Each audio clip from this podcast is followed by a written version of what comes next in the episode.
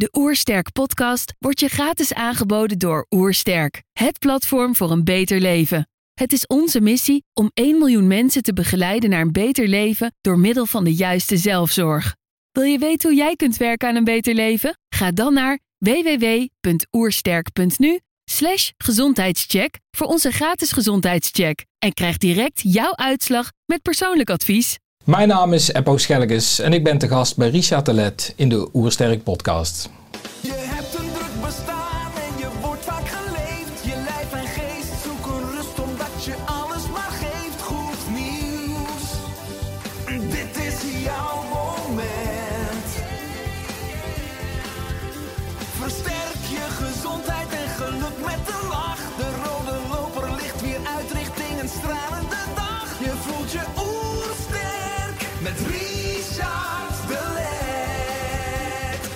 Zijn hier in Heemskerk voor een podcast met Eppo Schellekens. Eppo is docent, coach en auteur van het boek Jezelf zijn. Hoe dan? Ik ben benieuwd naar zijn tips voor een beter leven. Trouwens, geniet je van onze podcast? Abonneer je dan en laat een reactie of review achter. Zo help je ons om het gezondheidsvirus te verspreiden. Let's start. De Oersterk Podcast. Een ontdekkingstocht naar een beter leven. Eppo, welkom. Dankjewel. Bovenaan je website staat iets toevoegen door jezelf zijn. Ja. Hè? Wat bedoel je hier precies mee? Dat je nou juist iets toevoegt als je jezelf bent, in plaats van dat je je anders voordoet dan je werkelijk bent. Dus eh, in principe iedereen is enig en uniek eh, en juist daarom voeg je iets toe. Dus als jij werkelijk helemaal authentiek bent, dus echt jezelf, dan voeg je iets toe. Als je iemand wil kopiëren, dan voeg je meer van hetzelfde toe. Dus het is niet juist denk ik van groot belang dat iedereen echt authentiek zichzelf mag zijn. Dat Ja, dus wees geen kloon van een Nee. ander, maar wees jezelf. Precies. Ja, vind ik mooi, hè? want ik lees dan ook een stukje verder. Schrijf je, iedereen neemt een speciaal plekje in op onze wereld. En vanuit dat speciale plekje voeg jij juist iets toe wat een ander niet kan. En soms ben je dat even kwijt, omdat je het gevoel hebt dat je niet jezelf kunt zijn. En vooral bezig bent met wie je denkt te moeten zijn. En waarom wil de maatschappij vaak, dan wel bewust of onbewust, een ander van ons maken dan wie we werkelijk zijn?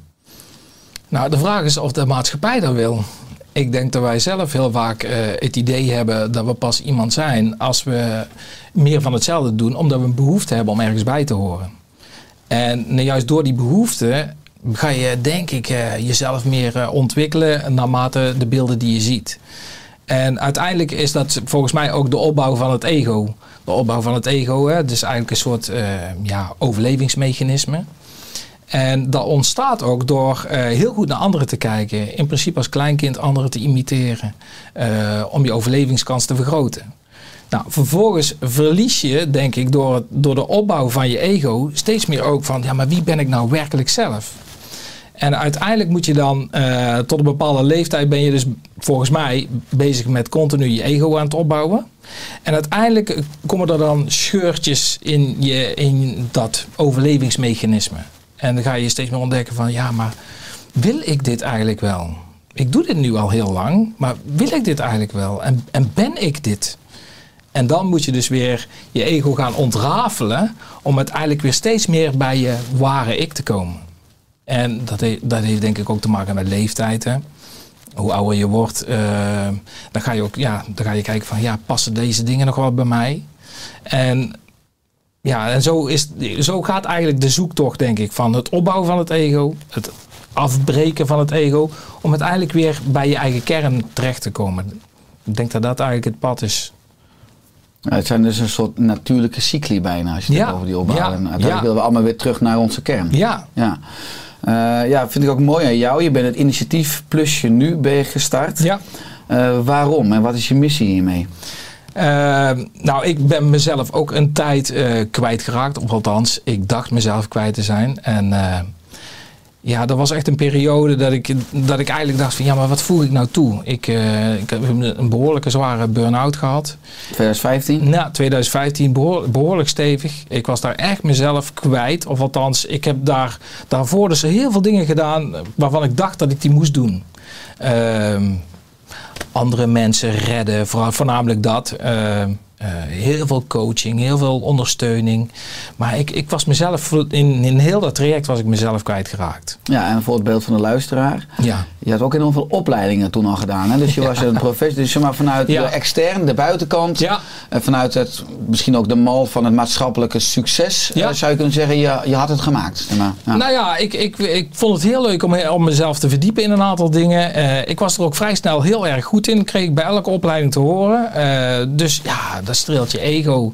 En, en nou, daar ging ik daarmee aan de slag. Maar ik was ook echt wel nieuwsgierig. Nieuwsgierig naar hoe dingen werken bij mensen. eh, uitpluizen hoe eh, gedragingen werken. Hoe ze tot stand komen. Ook bij mezelf. Nou ja, en uiteindelijk ja, ga je daarmee aan de slag. En dan denk je zo, nou, dit kan ik. En eh, nou, dan kan ik nog meer mensen helpen. Nog meer mensen ondersteunen. Ja, tot ik op den duur alleen maar bezig was met die andere mensen aan te ondersteunen. En, eh, en ik dacht dus dat ik die andere mensen ondersteuner was. Maar wie was dan Eppo nog? En eh, uiteindelijk zijn er een aantal dingen voorgevallen waardoor ik, eh, ja, waardoor ik echt wel even teruggeroepen werd. Ehm, en, en echt bij mezelf te raden moest gaan van ik heb helemaal niks meer over, ik heb geen energie meer over. En uiteindelijk tot een soort nulpunt gekomen van ja, maar wie ben ik nu nog? Ik kon niemand anders meer redden. Ik kon er niet voor andere mensen zijn. Ehm, ehm, ik kon wel nog wel vader zijn voor mijn kinderen. Eh, ik kon ook nog zeker wel eh, de man zijn voor mijn vrouw. Eh, maar daar hield het eigenlijk ook mee op. Dus vanuit maatschappelijk perspectief, ja, wat deed ik? Ik zat thuis op de bank en ik kon niks meer. Ehm, nou ja, en ik had mijn identiteit eigenlijk gekoppeld aan, ja, maar ik ben een soort van levensredder. Ik kan iedereen coachen. Ja, behalve, mezelf. Ik kon mezelf dus niet meer coachen. Nou, in die tijd ben ik ook eh, echt aan de slag gegaan met al die dingen die ik geleerd had. Ik denk, nou, dat ga ik allemaal op mezelf toepassen. En ik ga mezelf redden. Dat ga ik doen. Ik ga mezelf redden. Maar uiteindelijk kruip ik dan weer in die identiteit van die redder. En ik probeerde daarmee mezelf te redden. Maar niks werkte. Alle technieken die ik had eigen gemaakt, niks werkte. En uiteindelijk moest ik dus gewoon weer gaan herontdekken. Ja, maar wie ben ik als ik niet in die rol van redder ben? Eh, en wat blijft er dan nog over? En dat was eh, ja, dit wat hier zit. En, en daar vrede mee hebben. En dankbaar zijn met het feit dat dit wat hier zit, dat dat voldoende is. En dat dat ook gewaardeerd wordt zelfs. Eh, ik kreeg nog steeds waardering van mijn kinderen. Eh, Ik kreeg nog steeds waardering van mijn vrouw. Als zijnde van, nou daar zit Eppo, dat, i- dat is het. Hoeft niks te doen, alleen maar te zijn. En dat kostte mij behoorlijk wat tijd om, eh, ja, om, om, om die ontdekking te doen. Dat ik gewoon kon zijn. En dat ik niet juist daardoor iets toevoegde. En dat balletje is gaan rollen eh, door... ook al kroop ik naar de rand weer in die andere rol als coach. maar ik voelde me helemaal geen coach meer. Ik was gewoon Eppo die, eh, die met mensen aan het praten was. Ik was gewoon volledig mezelf. Ik stelde niet alleen maar coachvragen. Ik vertelde ook gewoon voor het verhaal. En dat doe ik nog steeds. Gewoon echt helemaal vanuit mezelf. En ik merkte dat steeds meer dat dat, dat dat ook steeds meer gewaardeerd werd. Dus hoe meer ik werkelijk helemaal in mezelf zat. Dus eh, zonder het idee van, oh, maar dan ben ik een goede coach. Of als ik geen vragen stel, ben ik, oh, dan, dan ben ik geen goede coach. Maar daar, was ik helemaal niet mee bezig. Ik was gewoon ik. En dat ben ik nog steeds. En ik kwam erachter, hé, hey, dat is eigenlijk hartstikke waardevol. Eh, dat is een boodschap die zou ik moeten gaan verspreiden. En eh, vooral ook aan mensen die het af en toe dan echt helemaal kwijt zijn. Die, die, die op momenten vastlopen, die frustraties ervaren, miscommunicatie ervaren, heel veel spanning ervaren. Ja, dan ben je eigenlijk eh, al een stuk van jezelf weg. Dan, dan, dan ben je je hoogstwaarschijnlijk al anders aan het voordoen dan dat je werkelijk diep van binnen denkt en voelt. Nou ja, goed. En toen kwam, ja, dat plusje, dat kwam, dat kwam eigenlijk op mijn pad. De, ja, is ook een raar verhaal. Ik weet niet, misschien praat ik te veel nu, hè? Nee, ik, ik hang aan je lippen. Oké. Ga door. Ehm, eh, nou, ik was eh, eh, in die tijd heb ik eh, op de duur heb ik me ontslag genomen. Eh, ik was docent bij het HBO en eh, daar had ik ook al mijn burn-out gehad. En, en een aantal jaren daarna voelde het nog steeds niet lekker. Eigenlijk riep alles: ik moet daar weg. Eh, maar ja, ik wist daar niet zo goed raad mee. Ik denk van ja, wat moet ik dan? Eh, Nou, en uiteindelijk eh, heb ik gewoon eh, van de een op de andere dag ontslag genomen. Eh, ik was er echt klaar mee. Het was heel spannend, want ik had geen andere baan, ik had niks. Ik wist alleen maar, ik moest daar weg. En, eh, en dan zou eh, het universum me wel weer op, eh, op een pad zetten. En één quote die me daarbij hielp was, vertrouwen is de enige planning. Dat was, dat was een quote die mij ontzettend hielp om dat pad op te gaan. Ehm, dus ik had, ik had geen baan meer. Ik had eigenlijk ook geen perspectief. En toen dacht ik, ja, wat ga ik nu doen? Nou, ik, ik sta op en ik ga kijken wat ik ga, kan gaan doen. En toen was ik, eh, ik denk, ik heb nog nooit mijn badkamer getegeld. Ik ga mijn badkamer eens tegelen. En toen ben ik mijn badkamer gaan tegelen. En, en nou, tijdens dat proces eh, was ik aan het nadenken over mijn eigen proces. Eh, en toen kwam ook in mijn hoofd van, hé, hey, eh, wanneer voeg je nou iets toe? En ik was die voegen aan het voegen. En plots kwam dat plusje, wat van plusje.nu, wat op de kaartje zit. Dat viel zo uit zo'n voeg. En toen dacht ik, jij verrek, wanneer voeg je iets toe? Dat is een plusje. Eh, en uiteindelijk, ja, ik heb een heel associatieve mind. Eh, en ja, die, ging, die ging aan de haal. En, en toen dacht ik, ja, weet je, je voegt eigenlijk altijd iets toe. Of ik nou hier zit te voegen, eh, of ik loop over de, straat, of sterker nog, als ik, als ik mezelf slecht zou voelen. Als ik, als, ik, als ik denk, ja, maar ik voeg niks toe. Dan voeg jij misschien zelf iets toe voor iemand die weer iets, eh, iets voor jou kan betekenen. Waardoor je die verbinding weer voelt. Nou, zo ging het eigenlijk aan de, haal, aan de hand van dat plusje. Ja, en toen dacht ik van, daar moet ik gewoon, daar moet ik iets mee. Ik moet, daar een, eh, ik moet die boodschap opschrijven. En ja, uiteindelijk werd het een website gekoppeld aan mijn boek.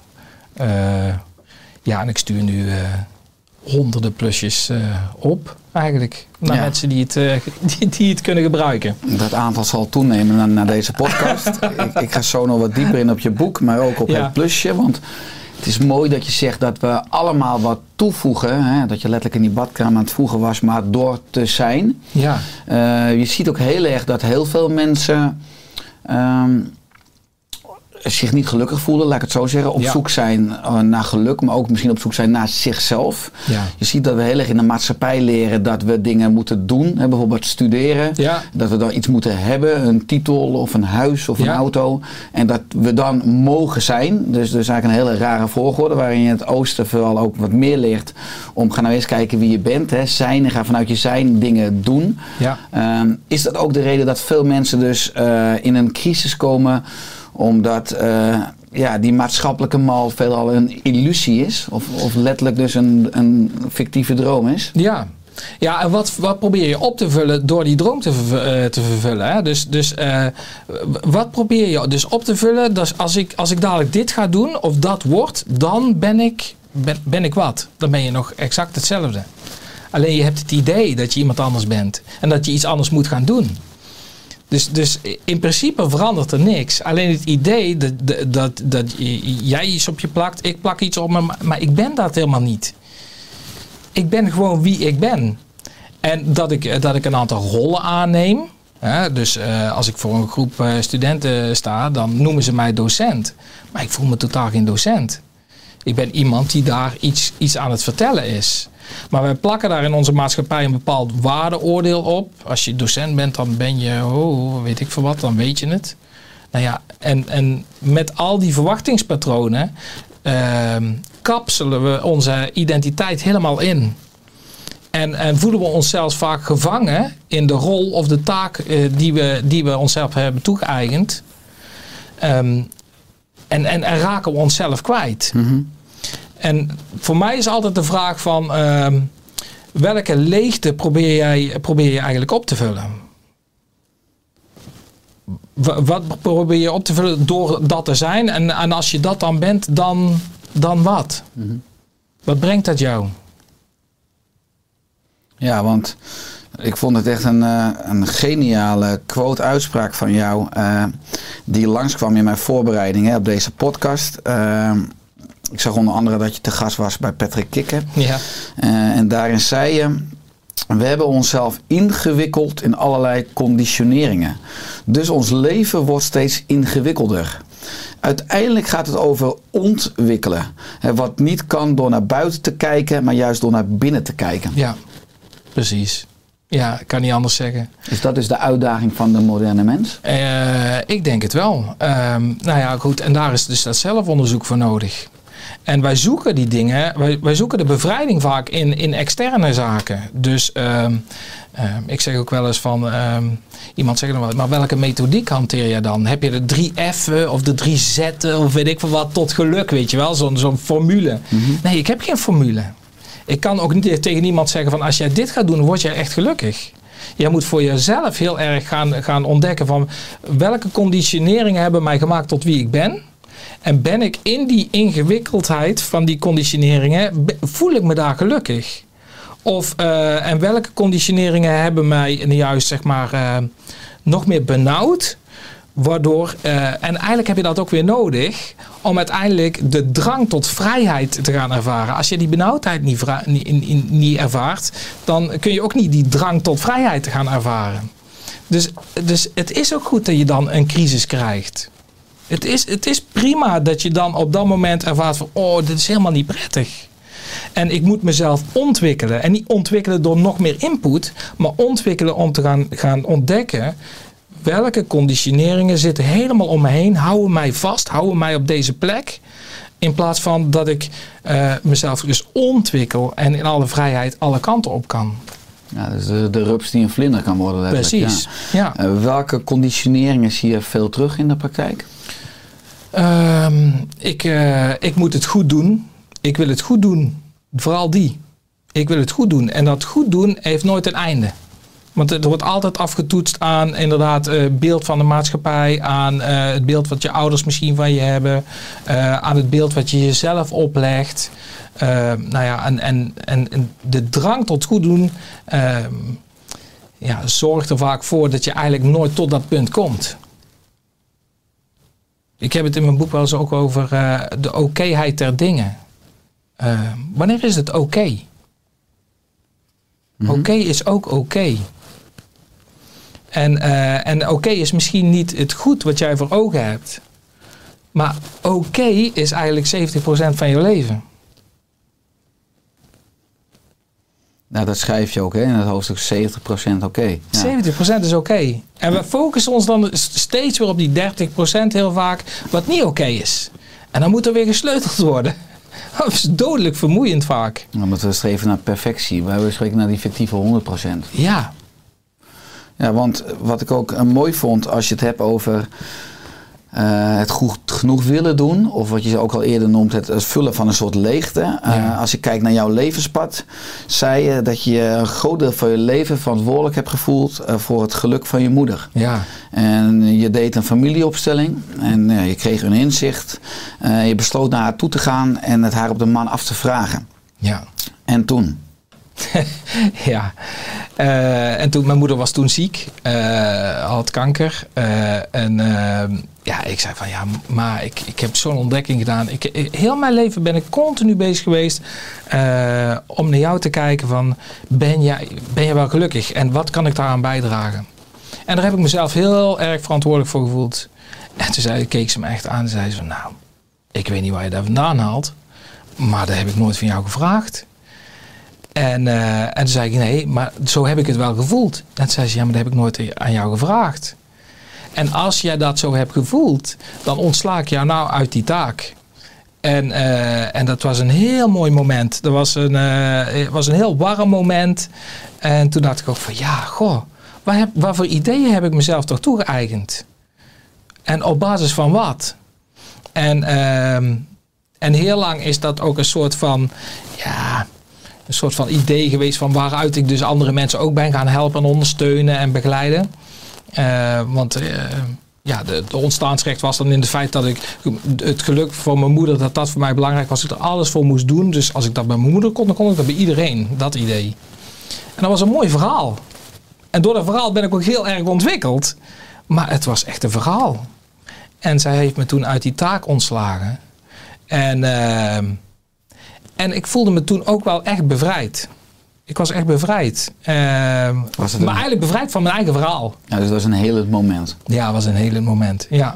En vrij snel daarna was ze ook overleden, moet ik eerlijk bekennen. Ja. Maar mooi dat je dat nog zo in het leven Ja. zo, eh, met haar letterlijk heb kunnen helen. Ja, ja. Ja. absoluut. Eh, je hebt nu alweer over die verhalen. Je, je geeft aan dat we als mens ook veel slechte verhalen maken in ons hoofd. Hè? ja. Eh, nou, Oersterk staat voor een beter leven, maar uiteindelijk sta jij ook heel duidelijk voor een beter verhaal. Hè? Ja. Hoe kunnen we een beter verhaal in ons hoofd maken? Ook als mensen nu eh, luisteren of kijken.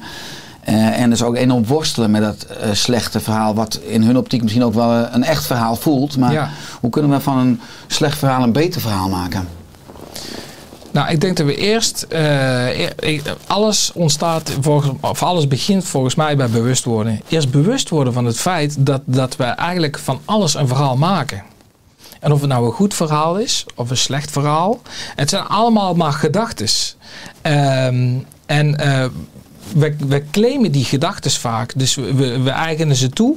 En we zeggen dan van nou, oh, dit is dus waarheid. Maar het is een gedachte.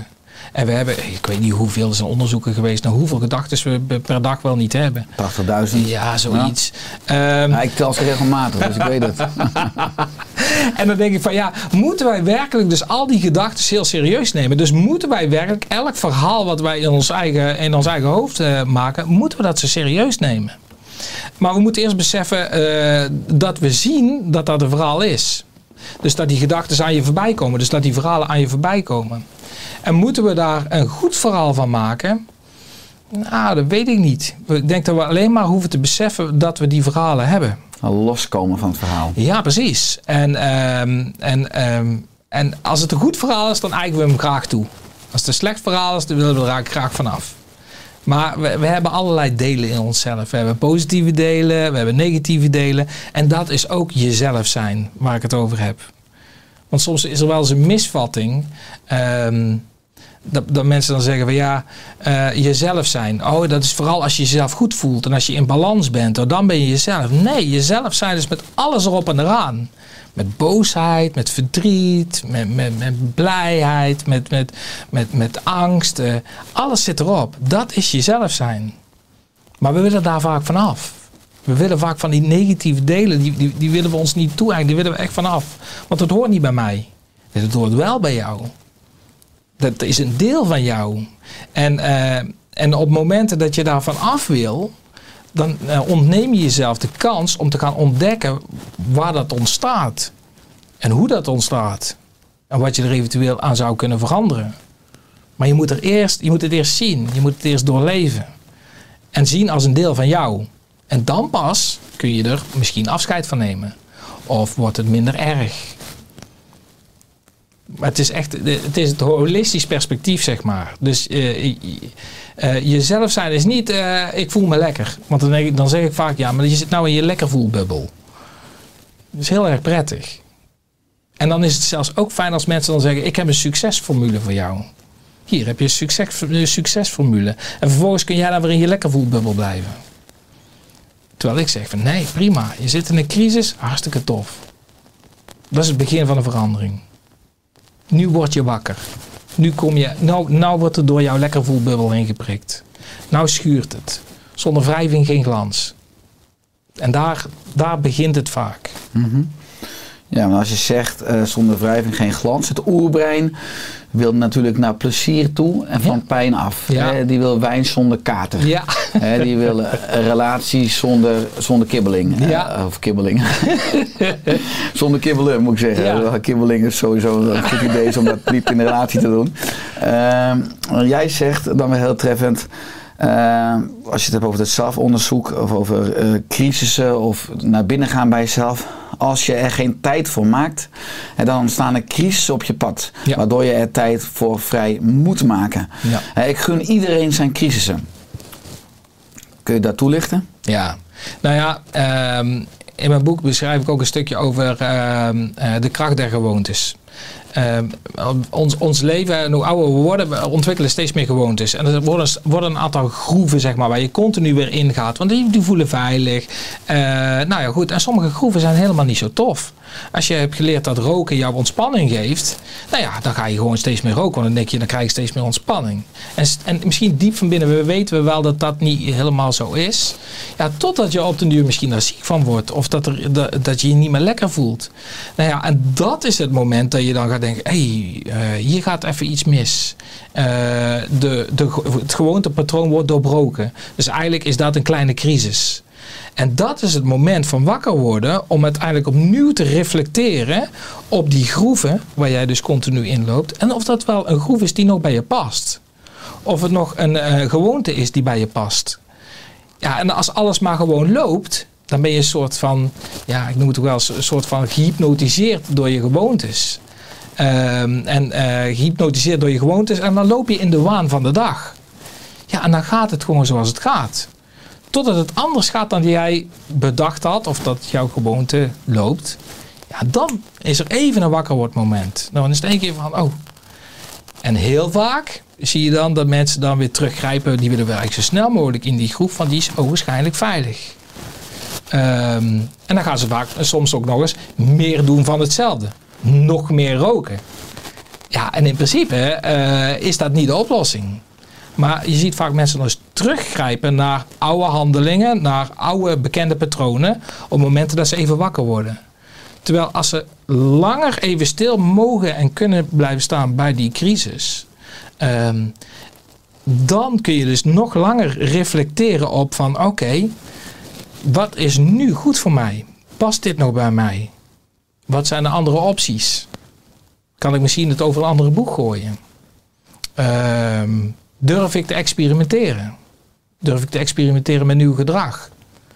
Ehm, en, en daarom zeg ik ook wel eens, weerstand is de deur naar verandering. Alleen je moet er doorheen. En wat we vaak eh, doen is van, ik ervaar weerstand, is een onprettig gevoel. Ik wil weer terug in mijn, in mijn veilige bubbel. Terwijl ik denk niet juist, die weerstand moet een uitnodiging zijn om goed te kijken wat er nu aan de hand is. Mhm. En dat kost tijd. Ja, dat kost tijd. En dat willen we vaak niet. Want voor, voor, voor, eh, voor een, eh, een burn-out staat zoveel tijd. Voor eh, een, een, een proces, een, eh, hoe heet dat, zo'n bedrijfsarts zegt van ja, de zes weken krijg je even relax. Nou, weet je, dat. Ja, maar zo werkt het niet. Ja, dat is mooi wat je, wat je zegt. Het oerbrein wil eigenlijk niet veranderen. Of wil ook vooral weg van pijn. Wil in de, in de comfortzone blijven. Ja, Ik vond het heel mooi dat eh, Wayne Dyer zei van... eh, ja, weinig mensen leven 75 jaar... Maar heel veel mensen leven Ja. dezelfde dag 75 jaar. Met Ja. andere woorden, we zijn gewoontedieren en het is een soort... eh, ja, eh, dat we continu dezelfde dag eh, spiegelen en kopiëren. Op het kopieerapparaat noemde hij dat ook volgens mij. Dat we continu dezelfde dag leven. Ja. Dus dat je één dag 75 jaar leeft. In plaats van dat je nou, je ontwikkelt en precies. eh, dus ook die, die, die, die weerstand opzoekt. en daar doorheen breekt. ja, Ehm, maar ja, buiten bestaande kaders treedt. Om uiteindelijk jezelf misschien uiteindelijk veel meer te ontdekken en te vinden. precies. En, en ik zie het leven ook als één grote oefening. Het is gewoon één grote oefening. En je mag gewoon elke dag opnieuw, als, je, als het jou gegund is en je wordt ochtends wakker, heb je gewoon weer een hele dag dat je gewoon mag oefenen met van alles. Je bent gewoon eigenlijk hartstikke vrij om te oefenen met alles. Ja, totdat je vaak de eerste been langs het bed zet en eigenlijk al meteen weer vloep in, die, in, die, in, die, diezelfde gewoonte stapt. En, en op dat moment mag je eigenlijk denken, hé, hey, ik, eh, ik, poets mijn tanden altijd met rechts. Ik doe het eens een keer met links. Wat er dan gebeurt. Heel simpel. Ehm, en vervolgens kom je daar, oh, dat is eigenlijk heel onhandig. Maar ik ben wel bewuster nu bezig met tandenpoetsen. Het zijn echt hele kleine, het hoeven geen grote dingen te zijn, hè. Ehm, om, om, om te gaan ontdekken van, wat zijn nou die eigen gemaakte patronen? En, en doe ze eens anders. Ik heb een tijd gehad het, eh, het, het strikken van mijn schoenen. Heel simpel. Je doet het altijd op één dezelfde manier. Zo lang gedaan. En, eh, en toen leek in één keer links over rechts. Nou, ik moest elke keer nadenken, joh. Maar ik was wel heel bewust bezig met, met mijn schoenen strikken. Ehm, en volgens mij gaat het daar ook om. Als je, als je een beetje tijd wil stretchen eh, in je leven, dan is het noodzakelijk dat je vol aandacht met volle aandacht hier bent. Ehm, en als je alleen maar geleefd wordt door jouw gewoontepatronen, ben je vaak niet in volle aandacht hier. Dan ben je eigenlijk al continu bezig met daar. Dus ehm, nou juist om die gewoontepatronen even te doorbreken, net iets anders te doen, een andere weg naar je werk, ehm, eh, een, een zaterdag net eens iets anders in te vullen. Ehm, Nou ja, dat zet jou weer aan om continu te kijken van, goh, die gewoontepatronen, zijn ze nog wel zo oké? En als je dat niet doet, geheid komen er crisissen op je pad of, eh, of eh, komen verwachtingen niet uit. En dat zijn ook weer die momenten om weer opnieuw te oefenen. Ja, om mensen ook daarbij te helpen heb je dus dat eh, plusje ontwikkeld. Nou, je Ja. hebt mij ook een aantal plusjes toegestuurd. Ja, En het is eh, maar eigenlijk een geplastificeerd klein velletje voor de kijker natuurlijk zichtbaar. Die je eigenlijk in je kontzak kan doen. En Ja. die, eh, zit ook een plusje opgeplakt. Of waarschijnlijk dus zo'n zo'n dingetje die tussen de tegels Ja. zit. Zodat de, de afstand hetzelfde is als je gaat voegen. Die kan je ook af en toe lezen. Hè? Maar Zeker ook lezen als je het moeilijk hebt of als je, als je zoekende bent. Ja, Nou, je geeft aan, je hebt inmiddels al honderden plusjes aan mensen verstuurd. Het leuke vind ik dan weer, want aandacht is het moderne goud, dat je het zelf allemaal maakt Ja. en knipt en plakt. Dus eh, er zit aandacht, er zit liefde in. Als aanzet eigenlijk tot zelfacceptatie en ook zelfonderzoek. ja. Eh, welke reacties krijg je van mensen? Ja, dat is heel mooi. Want ik, ik heb dus mijn site opengezet. Dus mensen kunnen een aanvraag doen voor het plusje. eh, voor iemand die ze kennen. Waarvan ze denken, hey, die kan echt wel een plusje gebruiken. Nou ja, en, en eh, ik stuur het altijd anoniem op. Dus eh, heel vaak weet ik ook niet hoe het landt. Maar ik krijg nu de laatste tijd dat het echt steeds meer bekendheid krijgt. er zijn bijvoorbeeld hele teams in, de- in de zorg. Ehm, waarvan een teamleider zegt van nou, heel mijn team kan zo'n plusje gebruiken. Nou, dan stuur ik gewoon voor heel het team. Ja, het wordt ontzettend gewaardeerd. Eh, en ehm, dat is wel grappig, want ik woon in Bokstel. En heel af en toe, de mensen die stoppen die plusjes in de zak. En dan, en dan loop ik over straat en zie ik ineens een plusje liggen. Ik denk, nou, de, dat? Heeft iemand dan in zijn zak gehad, per ongeluk eruit gevallen? En dan denk ik van, dat is toch wel mooi. Mensen dragen het mee. Of als ik mensen tegenkom, of die hebben een plusje. Ik heb een plusje nog. En, eh, en het helpt mij echt. Van, oké, waar ben ik nou eigenlijk mee bezig? En je grabbelt even in je zak. En je denkt, oh ja, maar ik, hey, ik hoef alleen maar mezelf te zijn. Ik heb weer spanning, ik heb weer stress. Er was weer miscommunicatie. Even, even grabbelen in die zak. En, hé, hey, waar ben ik nou mee bezig? Ben ik nou werkelijk mezelf of ben ik wie ik denk te moeten zijn? Nou, en dat is dan de vraag die er ook op staat. Mhm. Ehm, eh, die, die je dus ook eh, laat nadenken dan van... Goh, ben ik weer een beeld aan het ophouden? Of ben ik werkelijk mezelf? Ja, want dat is de kernvraag hè, die Ja. je continu stelt. Ben ik nu werkelijk wie ik ben? Of wie ik echt ben, staat er dan nog? Ja. Of ben ik wie ik denk te moeten zijn? Precies. Dat is natuurlijk een duidelijk verschil. Absoluut. En we zijn vaak. eh, en het is ook logisch, hè, want we, we, we nemen ook bepaalde rollen aan. eh, en, en soms identificeren we ons zo met die rol. dat we helemaal dat mens achter die rol kwijt zijn. Eh, nou goed, en dan, dan kan er dus met regelmaat spanning ontstaan. Ja, en dan is het heel zinnig om te gaan kijken van oké, maar matcht deze rol dan nog bij mijn mens zijn? En soms kan het echt zijn dat je in een functie of, of in, een, in een rol eh, zit en je denkt van ja, dat past me helemaal niet meer. En, eh, en dat gebeurt dus heel vaak. Als er dus steeds meer spanning is, veel meer stress, dan, dan druist het eigenlijk tegen jouw natuur in. En dan is het erg noodzakelijk om dat heel goed te gaan bekijken. Het is niet voor niks dat heel veel mensen nu op dit moment een burn-out hebben. Eh, omdat die gewoon dus continu dus eh, vaak willen voldoen aan allerlei eisen en, ehm, en aan allerlei, eh, ja ze hebben ook heel veel rollen en heel veel taken en alles mo- moet kunnen en ja, maar is dat ook werkelijk wat je wil? En zo'n burn-out is in mijn perspectief een soort van total reset. Ehm, en als je daar, als je daar eh, goed de tijd voor neemt, ehm, goed doorleeft, eh, goed reflecteert, dan kan dat echt een begin zijn voor eh, een soort van nieuw leven. Dus laatst vroeg ook iemand aan mij, die zei van, ehm, ja maar hoe vind je dat dan? Steeds meer jonge mensen hebben last van een burn-out op dit moment. En toen zei ik, nou ik vind het eigenlijk alleen maar goed. Ik vind eigenlijk alleen maar goed dat steeds jongere mensen op jonge leeftijd al gaan ervaren dat ze dus blijkbaar in een red race zitten waar ze eigenlijk niet meer in willen zitten. En je kunt deze boodschap niet op jong genoeg leeftijd ontvangen om uiteindelijk de rest van je langere leven nog het anders te doen dan daarvoor. Want daarvoor was het klaarblijkelijk niet gezond. Dus wat mij betreft is het helemaal niet verkeerd dat jonge mensen al, al, ehm, al op vroege leeftijd wat crisissen krijgen. Als ze maar de juiste ondersteuning krijgen om, eh, om daar op een bepaalde manier naartoe te kijken. En om, eh, om tools te gaan ontwikkelen. Om te kijken van, goh, maar wat wil ik nou eigenlijk echt? En, en wat heb ik daarbij nodig?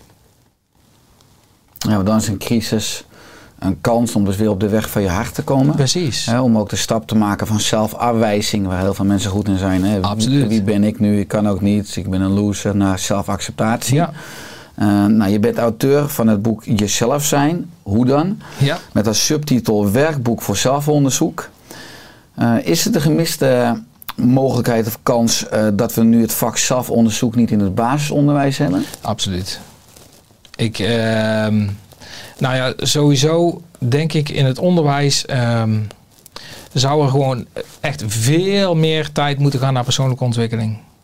Ehm, ja, en eigenlijk zelfonderzoek. Want persoonlijke ontwikkeling eh, staat voor mij ook al wel zoiets van: oké, dan moet ik ergens naartoe met persoonlijke ontwikkeling. Terwijl ik pleit eigenlijk voor zelfonderzoek. Dus alleen maar van: oké, wat gebeurt hier nu eigenlijk? En een soort van kinderlijk nieuwsgierig blijven naar, eh, naar wat dit systeem allemaal doet.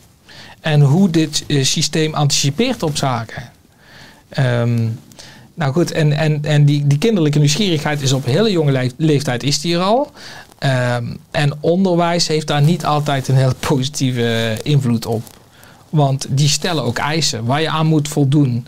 Dus ehm, uiteindelijk ehm, heb ik gemerkt dat, dat het onderwijs ook zeg maar, de creativiteit uitholt.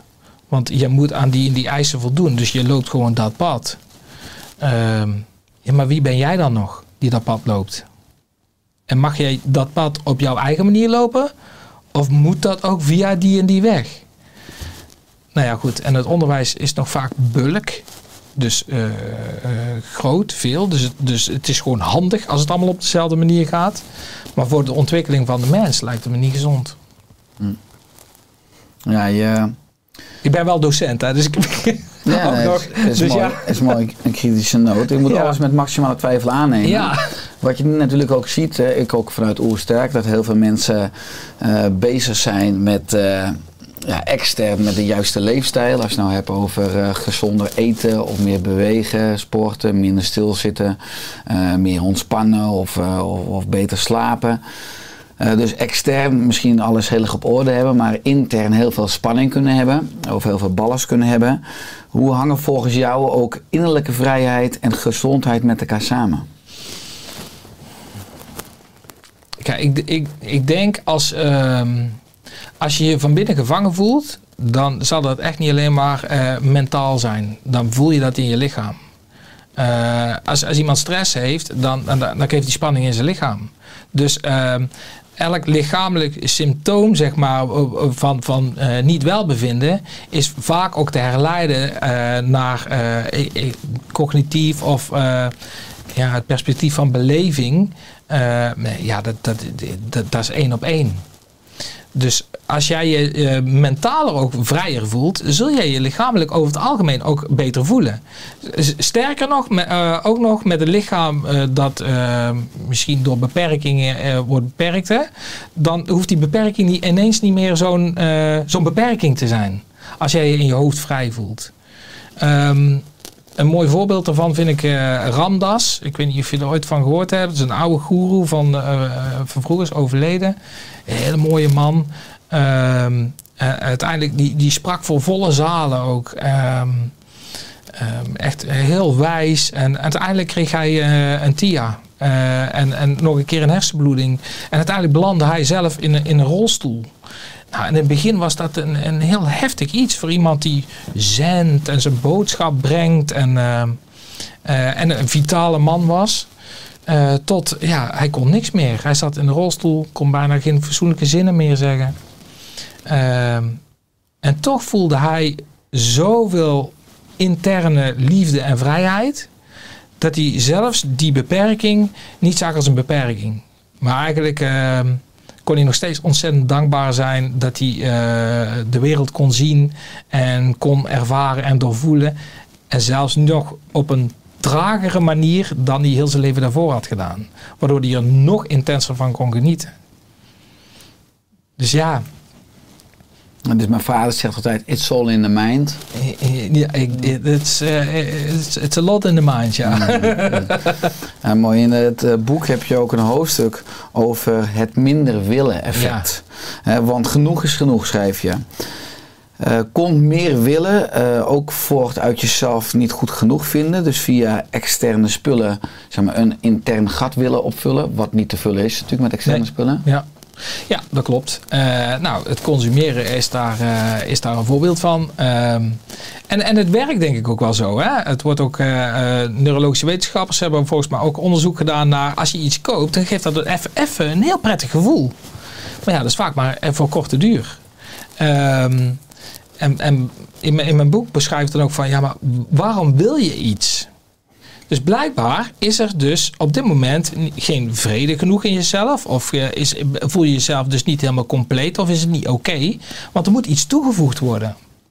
Maar wat mis jij dan werkelijk echt? Waardoor je vindt dat er iets toegevoegd moet worden.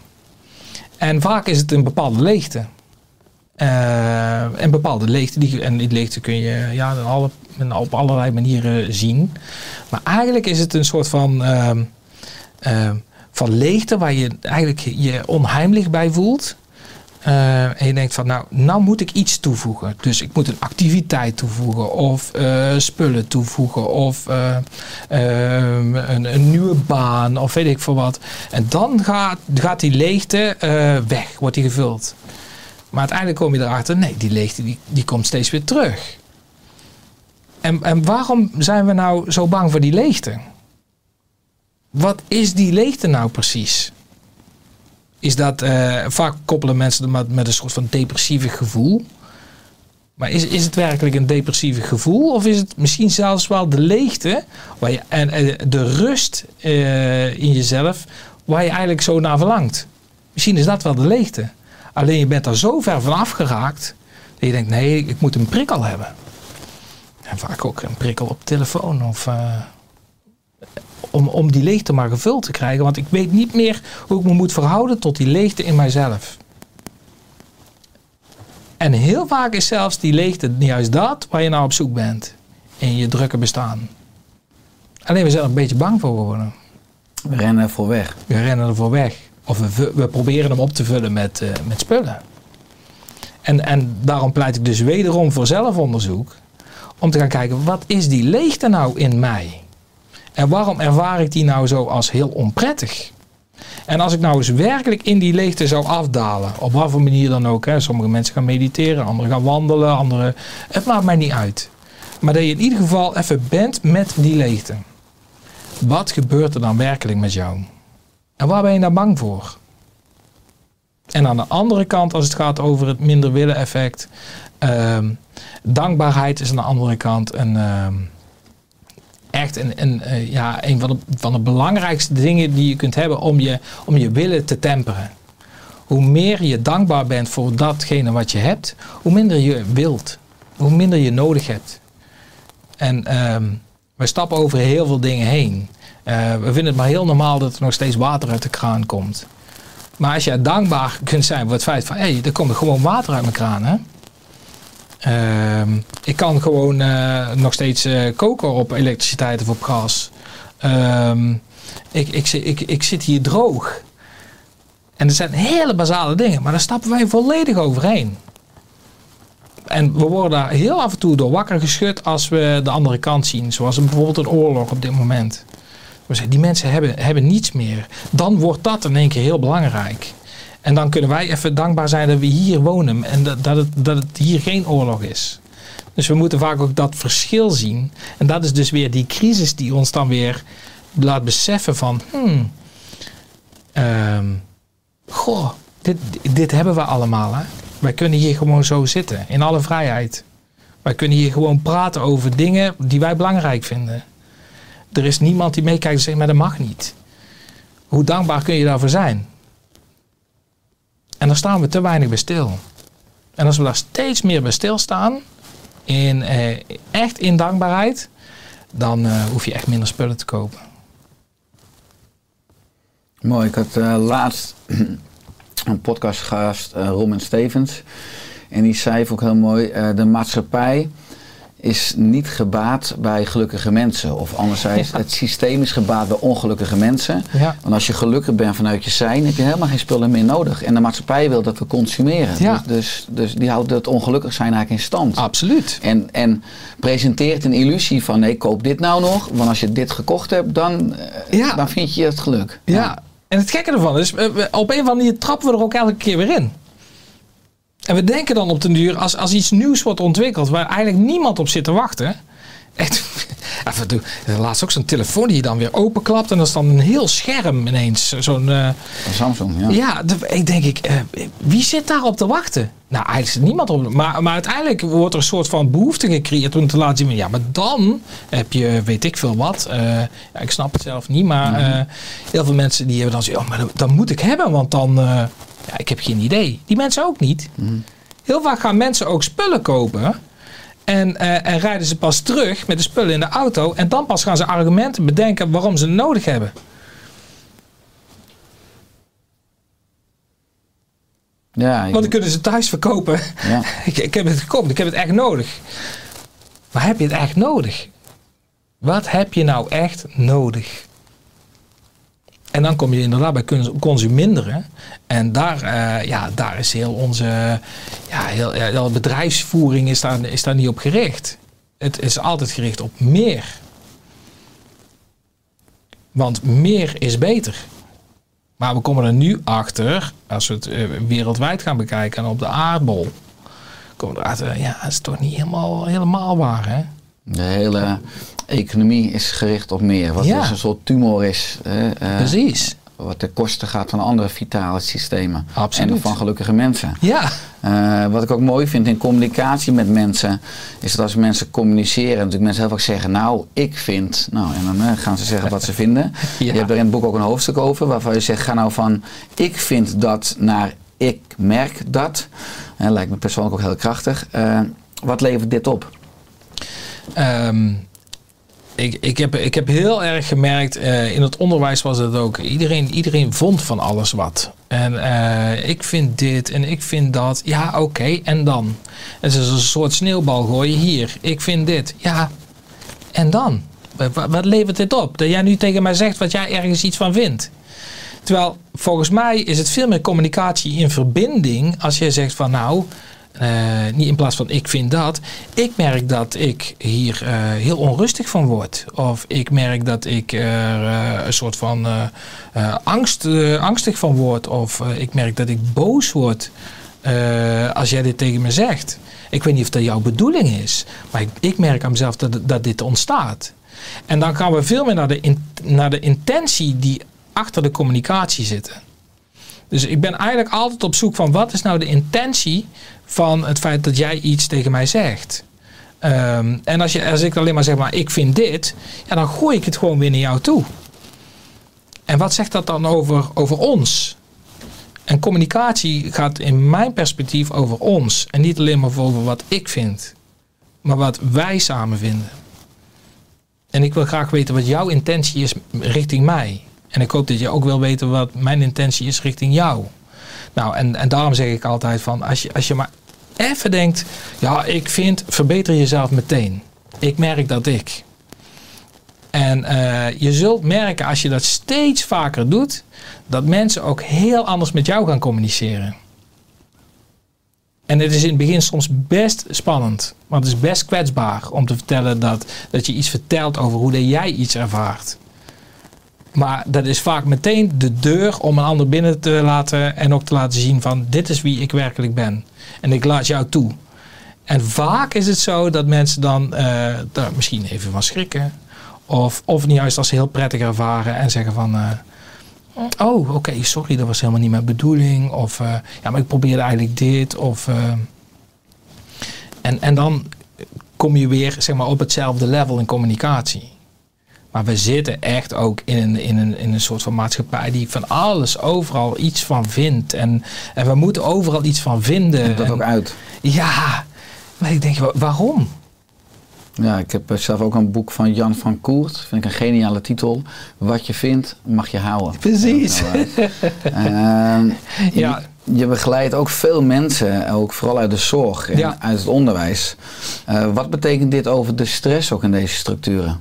Ja, er is, ehm, er is een hele hoge werkdruk binnen de zorg en onderwijs. Ehm, het zijn ook allemaal mensen die zijn op een bepaalde, of vanuit een bepaald perspectief in het onderwijs gegaan. Hè? een roeping? Ja, precies. Eh, dus, eh, of, of zelf misschien iets meegemaakt en juist vanuit dat perspectief. Dus er zijn mensen vaak wel met, met vuur eh, die, die, met, met passie iets gaan doen. Ja, en, en je ziet gewoon in die sectoren ook, eh, ja, er is gewoon personeelstekort. Mensen durven dan ook geen nee te zeggen als ze eigenlijk al zoveel diensten achter elkaar hebben gedraaid. eh, en er is weer iemand ziek. Nou, ik kom maar weer. Want ja, je kunt die mensen niet alleen laten op die woonvormen of, eh, of in het ziekenhuis. Of eh, je kunt die klassen niet laten staan zonder docent. Of, dus iedereen voelt, voelt zich extreem verantwoordelijk. Ehm, nou is dat denk ik op, op, in meerdere beroepen wel zo. Maar in, in deze beroepen, ja, voelen mensen echt wel heel verantwoordelijk. Eh, en dan ook nog eens met personeelstekort. Ja, die, die mensen, eh, eh, ja, ik zie ze één voor één omvallen op dit moment. Nou, dus ze werken, wij spreken, ik heb het ook ervaren in de zorg, werken allemaal extra diensten. Ja. Anders hebben cliënten geen zorg. Precies. Of, eh, anders hebben kinderen geen, geen, geen, geen les, want er is geen leerkracht. Dus ze voelen zich bijna oververantwoordelijk en daarmee plegen ze roofbouw op, op zichzelf. Ja, ja. Nou, ook weer interessant wat het mechanisme daaronder is. Hè? Dat je dus uiteindelijk de hele wereld helpt, maar zelf ten onder gaat. Nou ja, precies. Dus eh, dat is ook vaak het gesprek. Hè, van, eh, ehm, jouw passie, ehm, mag jouw passie blijven zijn? Dat is helemaal niet erg. Het is hartstikke mooi. Maar eh, holt het jou uit? Als je je passie helemaal blijft, blijft volgen ehm, en je voelt langzaam het vuur echt, echt doven, dan, gaat er, dan is er echt iets mis. En dan moet je dus weer op zoek gaan van, oh, ehm, wil ik mijn passie eh, uit blijven voeren? Ehm, voer ik hem dan op dit moment wel op de juiste manier uit, waardoor ik het vuur kan laten blijven branden? Nou, en dan moet je dus soms eh, ja, kijken naar, naar zelfbehoud en zeggen van nee, oké, ik moet toch een keer nee zeggen. Ja, maar dus dan, eh, dan zit mijn collega ermee. Of, eh, ja, dus het is een gezamenlijk probleem. Het is niet alleen jouw probleem. Het is een gezamenlijk probleem. Het is een maatschappelijk probleem dat er te weinig mensen in de zorg werken. Het is niet alleen jouw probleem. Ehm, maar als jij het continu blijft oplossen op deze manier, dan denk jij het gat te dichten, maar uiteindelijk wordt daar het gezamenlijk probleem niet duidelijk meer van. Dus je mag, eh, je mag nee zeggen. Of je mag ja zeggen tegen de juiste dingen. En dat is, eh, eh, ja, dat merk ik in de zorg en onderwijs, is dat, eh, is dat, is dat op dit moment heel lastig. Mhm. Ja, het zijn twee belangrijke structuren in de maatschappij, zorg, Ja. onderwijs. Een ander hoofdstuk in je boek opent met gelukkige woorden. Zoom uit en verwonder meer. Hè? En dan nog van ik naar wij en van iets naar ons.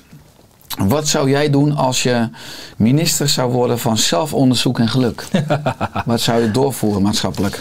Eh, in ieder geval tijd om er, eh, tijd, mensen tijd gunnen om eraan te werken. Ehm, dus daar waar wij nu een soort van label hebben gelegd op het feit van als jij maar heel druk bent en kunt zeggen dat je heel druk bent, dan lijkt je heel wat. Eh, voor mij zou het heel prettig zijn als mensen zouden zeggen van nou weet je, ik werk maar zoveel uur en, ik ben zoveel, en, en zoveel uur ben ik vrij. En eh, ik hoef me daar niet voor te schamen. Want, eh, dit is gewoon oké. En, en die, die vrije uren die besteed ik eigenlijk aan, van, aan een stuk van zelfreflectie. En, en een stuk zelfonderzoek. Ehm, en dan ga ik de natuur in en dan ga, ik, dan ga ik dingen laten bezinken. En dan ga ik kijken van, goh, ben ik eigenlijk wel op de juiste manier bezig? En ben ik op de juiste manier bezig voor mezelf en voor de mensen om me heen? En juist daar tijd voor maken. Dus misschien zelfs tijdens het werk. Voor mij part eh, eh, nog meer verplichte pauzes. Ehm, om, ehm, en dat lijkt zo ineffectief, omdat wij denken dat er, moet vooral veel gewerkt worden. Maar dan juist ehm, eh, micropauzes bijvoorbeeld gebruiken. Ik geef ik ook heel vaak als tip. Als je een activiteit hebt gedaan op je werk, zorg ervoor dat er tussen de activiteiten minstens vijf minuten zit. Dat je even niks doet. Dus gewoon even gaat zitten, even naar buiten gaat kijken en even al die prikkels laten bezinken. Zodat jij veel meer, eh, ja, zeg maar, vers of meer helder naar de volgende activiteit toe kan. Wat, wat ik heel veel zie is mensen die gaan van die rollen van de ene activiteit naar de andere activiteit. En ehm, met als gevolg dat je steeds minder effectief wordt, want die, prikkelverwerking moet, is ook nog gaande. En uiteindelijk ben je dat nog even aan het verwerken, ben je daar half bezig. En eh, uiteindelijk kost het misschien nog langer tijd. Dus ik zou eigenlijk pleiten voor het feit dat mensen ook echt eh, in hun werk micropauzes inbouwen. Om even die activiteit af te kunnen sluiten. Even alles laten bezinken. En dan pas weer door. Dat zou een stuk gezonder zijn. Zouden mensen denken uiteindelijk aan het einde van de dag ook beter slapen. Nou, ik denk zelfs, we hebben nu natuurlijk een acht uurige werkdag, wat nog eigenlijk uit het fabriekstijdperk. Ja. Als werkgever zou zeggen van, eh, we gaan naar een zes uurige werkdag en je krijgt twee uur van mij voor zelfzorg en voor zelfonderzoek. Ja, Dat de productiviteit misschien wel omhoog gaat. Uiteraard gaat het ziekteverzuim omlaag, Ja. het werkplezier gaat omhoog. Dat we er als maatschappij en als mens veel meer van gaan floreren. denk ik. Absoluut. Zijn er nog andere domeinen of dingen waarin je wat zou doorvoeren als je toch minister bent met die enorme zak geld? Nou ja, nee, ik, ik, denk, eh, ik denk echt dat het. eh, nou ja, goed, je, je moet ook middelen hebben. Je moet ook mensen hebben die je kunnen uitdagen tot zelfonderzoek.